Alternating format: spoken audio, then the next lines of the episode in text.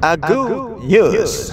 Untuk yang pengen tahu lebih jauh kritik atau saran bisa langsung kirim aja ke gladiresik7 at gmail.com atau mention atau direct message juga boleh ke Instagram at gladiresik studio.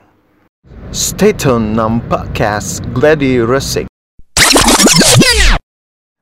Oke, come back to me to the Gladiresik Podcast season 3 dan pada kesempatan kali ini gua pengen bikin segmen khusus yang belum pernah gue lakuin sebelumnya dan nama segmennya adalah As Myself a Question di mana gue di sini pengen nanyain diri gue sendiri sebuah pertanyaan bukan sebuah banyak pertanyaan yang sudah gue kumpulkan dari teman-teman gue pendengar juga dan merupakan keresahan gue dan gue coba jawab pertanyaan itu. Singkatnya sih gitu ya. Jadi kayak gue resah tentang hal apa dan kebetulan sama dengan yang nanya sama gue. Ya gitunya gitu lah ya. Oke. Oke oke oke. Kita langsung masuk ke pertanyaan aja. Nah, pertanyaan yang pertama adalah apa yang terjadi pada dunia setelah corona? Buset, pertanyaan pertama udah susah benar. Ya, tapi coba dari perspektif gue ya. Apa yang terjadi pada dunia setelah corona dan yang gue lihat ya yang gue observe tapi uh, eh, gue bagi per ini dulu nih gue bagi per kategori dulu nih yang gue bahas satu-satu. Jadi apa yang terjadi setelah corona ya pada dunia pertama dari segi sosial. Gue yakin orang-orang tuh udah mulai pada parnoan gitu setelah corona ya tentunya. Kayak udah nggak ada lagi tuh ketemu jabat tangan meluk atau apa gitu. Sekarang udah pada kayak apa tuh namanya namaste namaste atau salaman yang menguncupkan kedua tangan gitu menguncupkan salam namaste. Kemudian uh, udah mulai yang namanya tuh orang-orang lebih sering menggunakan sosial media. Mau lihat berita mau lihat apa pun atau mau ngechat-ngechat sama orang misalnya. WhatsApp sama Telegram sama Google Hangout termasuk sosial media nggak sih? Ya nggak tahu ya.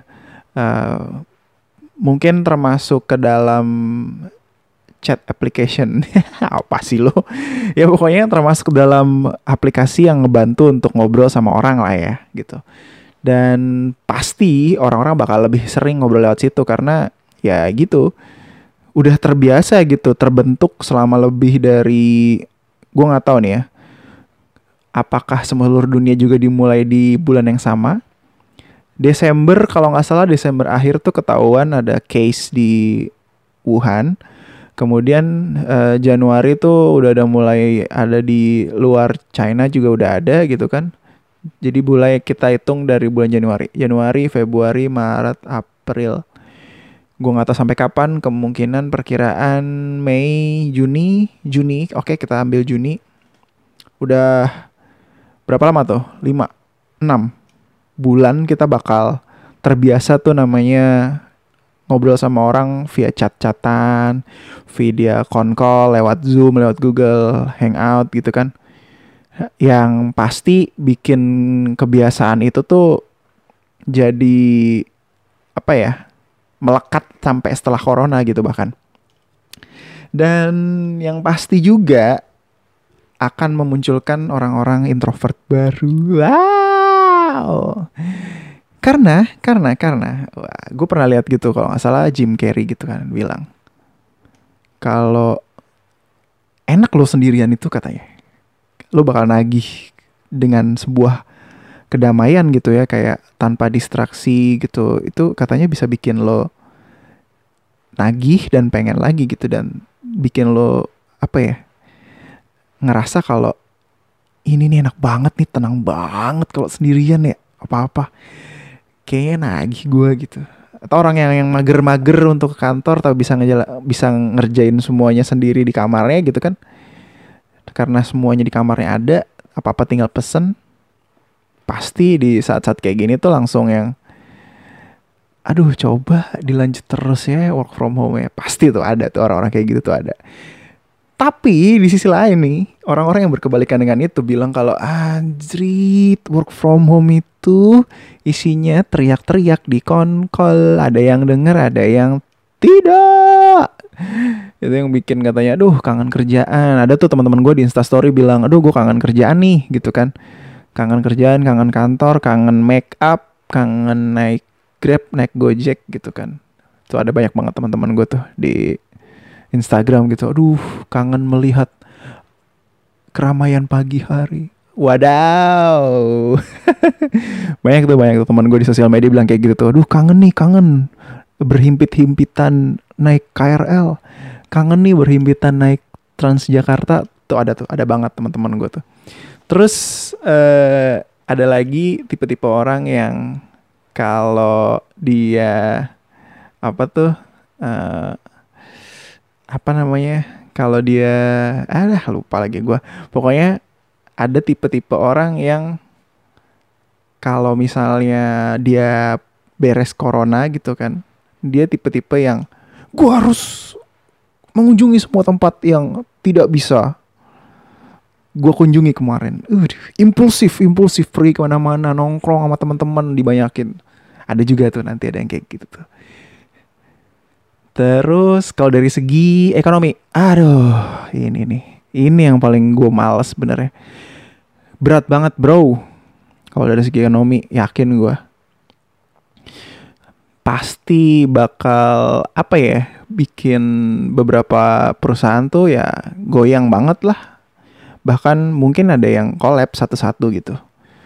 Gue kemarin baca berita gitu kalau ada salah satu maskapai di Inggris perusahaan gitu pada akhirnya ini kolaps mengajukan kita bangkrut gitu ke pengadilan tata usahanya di Inggris gitu. Ya udahlah kita pelit gitu kita bangkrut. Sedih banget sih sumpah sedih banget apa kabar pekerjaan pekerjanya gitu kan. Terus gue nggak tahu di Indonesia udah berapa banyak tapi yang gue tahu banyak banget teman-teman gue yang kerja di hotel, yang kerja di perusahaan chain besar itu udah mulai pengurangan gaji sampai cuma dapat 25% bahkan ada. Bahkan ada yang di belum digaji sebulan ada. Terus banyak lah sedih gue gitu. Dan beberapa hari kemarin gitu banyak banget kan solidaritas solidaritas dari teman-teman juga yang bagi-bagi makanan buat ojol ojek online. Itu karena parah banget juga mereka gitu karena orang-orang udah pada mulai ngurangin berangkat kerja berangkat pergi ke mana-mana ya pendapatan mereka pasti luar biasa berkurang jauh gitu. Itu sedih juga sih gue dampak ekonomi kayak bakal berasa banget sih sampai habis corona dan kayaknya bakal bounce back lagi setelah dua tiga bulan setelah coronanya udah reda kalau menurut gue ya. Which is itu juga possibility-nya ya ya tapi nggak boleh nggak boleh patah arang. Waduh patah arang. Ya nggak boleh inilah patah semangat lah. Oke tadi udah dari sosial udah dari ekonomi udah. Selanjutnya dari segi yang pasti itu desain sama seni ya. Desain sama seni aduh. Kalau dari segi desain pasti akan banyak banget desain-desain yang berhubungan tentang corona sih temanya kalau kata gue ya. Gue pribadi. Bakal tema-temanya tuh yang tentang menjaga kebersihan fight corona terus cuci tangan, kemudian bikin apa? Our medical team is our hero. Wih, support our doctor and nurse. Ayo support mereka sebagai garda terdepan melawan corona. Oh banyak tuh pasti ntar bikin-bikin art-art gitu. Dan terbukti sekarang aja juga udah banyak gitu yang bikin art-art kayak gitu. Ayo kita dukung uh, ojek online sebagai garda terdepan untuk mengantarkan uh, makanan. ada. Itu juga pasti gue yakin bakal banyak yang bikin-bikin desain kayak gitu gitu di sosial media. Karena gue juga bikin sih tentang medical. Langsung cek Instagram gue @gilang sugianto 7 di situ gue nge-share uh, keresahan gue tapi dengan cara gue bikin icon-icon medical kit what we need dan ya begitulah ya tolong di like kalau boleh. Eh gue kayak ngemis. Bukan ngemis ya sorry. Uh, maksudnya jangan di like. Jangan like kalau nggak suka ya nggak apa-apa. Bebas bebas. Di follow di follow di follow jangan lupa di follow lanjut ya. Pertanyaan kedua. Pertanyaan kedua adalah apa yang terjadi pada UMKM yang buat yang nggak tahu ya, UMKM adalah usaha mikro, kecil dan menengah. Mikro tuh jadi lebih kecil dari kecil. Wah, gimana coba? Ya, begitulah lu cari aja di Google.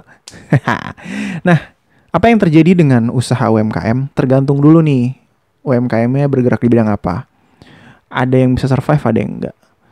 Kalau yang gue lihat sih kalau dia menjual produk-produk yang primer banget, yang kita butuhin banget, kayaknya sih bakal survive untuk waktu yang cukup lama. Kayaknya ya, walaupun gue dapat cerita dari temen gue gitu, kalau pernah dia datang pagi-pagi gitu ke pasar, wah pada ngeluh dagangannya nggak habis, gara-gara pada takut ke pasar basah gitu katanya.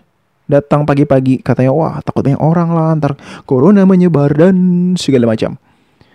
Dan gue nggak nyalahin sih sama orang-orang yang takut wajar lah ya Parno di situasi kayak gini.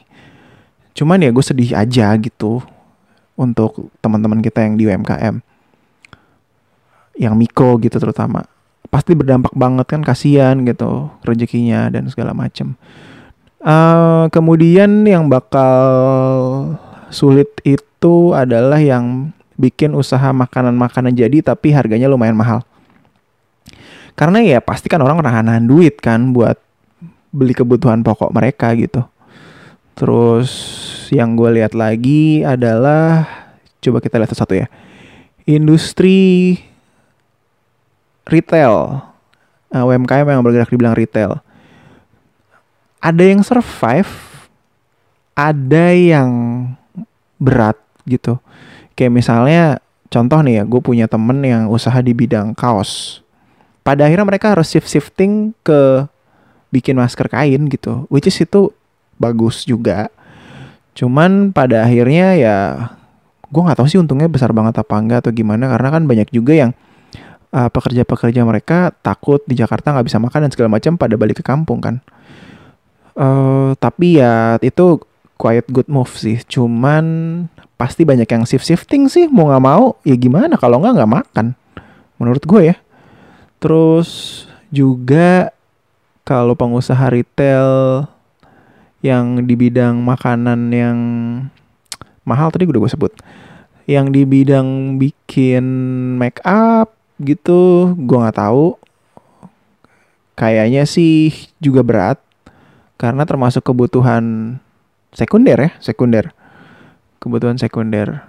Dan ya berat lah menurut gue gitu dan butuh support lah support banget dari kita kita untuk teman-teman yang di UMKM gitu.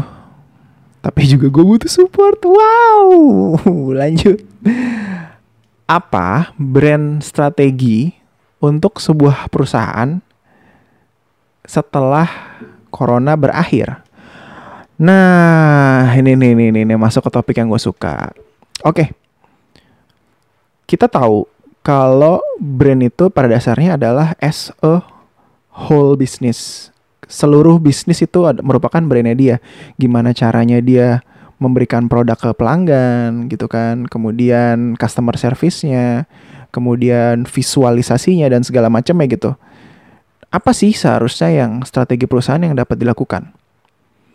Kalau menurut gua pribadi, brand strateginya adalah caring Maksudnya mereka harus lebih mempedulikan aspek-aspek yang sebelumnya mereka tidak pedulikan. Seperti aspek kesehatan dan keamanan produk atau jasa yang mereka tawarkan. Itu bakal berpengaruh banget. Jadi lo kayak callback. Nih kemarin karena dari situasi corona, lo upgrade perusahaan lo tuh secara brand jadi yang seperti apa. Jadi rebranding menurut gua. Manfaatkan uh, situasi yang lagi kemarin terjadi ketika sudah beres. Bounce, ayo bikin strategi baru. Dan salah satunya adalah tadi. Lo tunjukin gimana caranya perusahaan lo tuh secara kesehatan, secara keamanan itu lo jadiin top priority. Lo jadiin semuanya tuh rapih. Rapi dalam arti lo sudah mempersiapkan bahwa produk atau jasa yang lo tawarkan itu akan membuat orang merasa aman. Karena kan sekarang lagi insecure tuh takut corona dan segala macam. Itu yang harus di deliver sih. Kayak dilihat misalnya misalnya contoh-contoh yang absurd apa ya yang bisa oh potong rambut misalnya Nah, lo bisa tuh ngasih lihat di Instagram atau di media campaign lo kalau eh gue tuh setiap 10 menit gue cuci air hangat. Misalnya, misalnya nih, absurd kan. Gitu, itu campaign-campaign yang menurut gue bakal bisa ngebantu gitu. Kemudian uh, brand strategi yang lo lakuin adalah lo juga bisa nge-campaign kalau perusahaan sudah menyiapkan yang terbaik untuk karyawan dalam menghadapi virus ini gitu. Uh, sorry, setelah virus ini selesai, lo bisa campaign kalau perusahaan lo udah belajar dan mempersiapkan ketika nanti ada disaster lagi, manajemen risknya tuh udah tertata dengan baik. Manajemen risiko di sini maksudnya kayak lo udah bisa nyiapin dana biar orang-orang karyawan lo tetap bisa gajian dan segala macam itu kalau lo bisa menunjukkan itu nanti pelanggan lo bakal lebih trust sama lo gitu oh ternyata produk yang aku beli aku dapat membantu karyawan di sana waduh gitu jadi menurut gue itu adalah strategi yang bagus gitu menurut gue kemudian apa lagi ya udah sih kayaknya lanjut ke pertanyaan keempat uh, lu sendiri lu pribadi ini berarti pertanyaan ke gue ya apakah kena dampak corona dan yang laku, lu lakukan apa? Oke. Okay. Gue pribadi ya jujur uh, kena dampaknya jujur. Dan ya gue harus mengencangkan ikat pinggang sih. Maksudnya gue udah harus mulai berhemat, gue udah harus mulai siap-siap kalau ada suatu hal yang tidak diinginkan. Gue udah harus siap, udah harus kuat dan gue harus menyemangati teman-teman gue juga. Gue mempersiapkan diri gue biar gue juga bisa tahan gitu ya menghadapi ini gitu. Dan this is really stressful for me I think. Dan buat banyak orang juga this is really stressful gitu. Dan menurut gue penting banget kita punya namanya dana darurat. Menurut gue ya. Jadi lo mulai nanti kalau corona udah beres dan penghasilan lo udah balik lagi seperti semula atau yang memang masih normal-normal aja mulailah nabung, mulailah lu punya tabungan yang lu siapkan kalau terjadi ada apa-apa tentang bencana gitu. Kalau ada bencana kayak gini. Menurut gue itu penting banget, banget, banget. Menurut gue. Dan gue yakin akan sangat bermanfaat buat lo ketika terjadi hal-hal yang tidak diinginkan. Lo punya tabungan dan segala macam, lo akan lebih secure dan uh, ini secara psikologi ya. Ketika lo nggak panik, lo akan bisa mencurahkan semua pikiran dan energi lo untuk memecahkan masalah. Gimana ya caranya gue bisa survive, gue bisa ini, gue bisa itu gitu. Jadi kalau menurut gue ketika lo punya safety net, lo bakal lebih fokus untuk banyak menyelesaikan masalah. Ini pendapat gue karena ada pendapat yang bilang ya udahlah gue pasrah ini kehendak dari Maha Pencipta. Ya jalanin aja. Tidak apa-apa, itu pilihan Anda. Waduh, pilihan lo terserah Cuman kalau gue pribadi sih cara gue menghadapi gue adalah gue lihat semua possibility, gue terus berkarya, apa yang bisa gue lakukan, apa yang gue bisa cari, uang dari mana, tambahan lagi. Kemudian gue pribadi gue menghemat dan gue kalau udah balik seperti semula gitu, keadaan gue akan nabung lebih giat lagi. Dah gitu aja teman-teman, langsung dengerin aja. Gue kemungkinan akan ngupload juga di YouTube dan Spotify. Oke, langsung dengerin aja. Gadirsik Podcast Special Segment.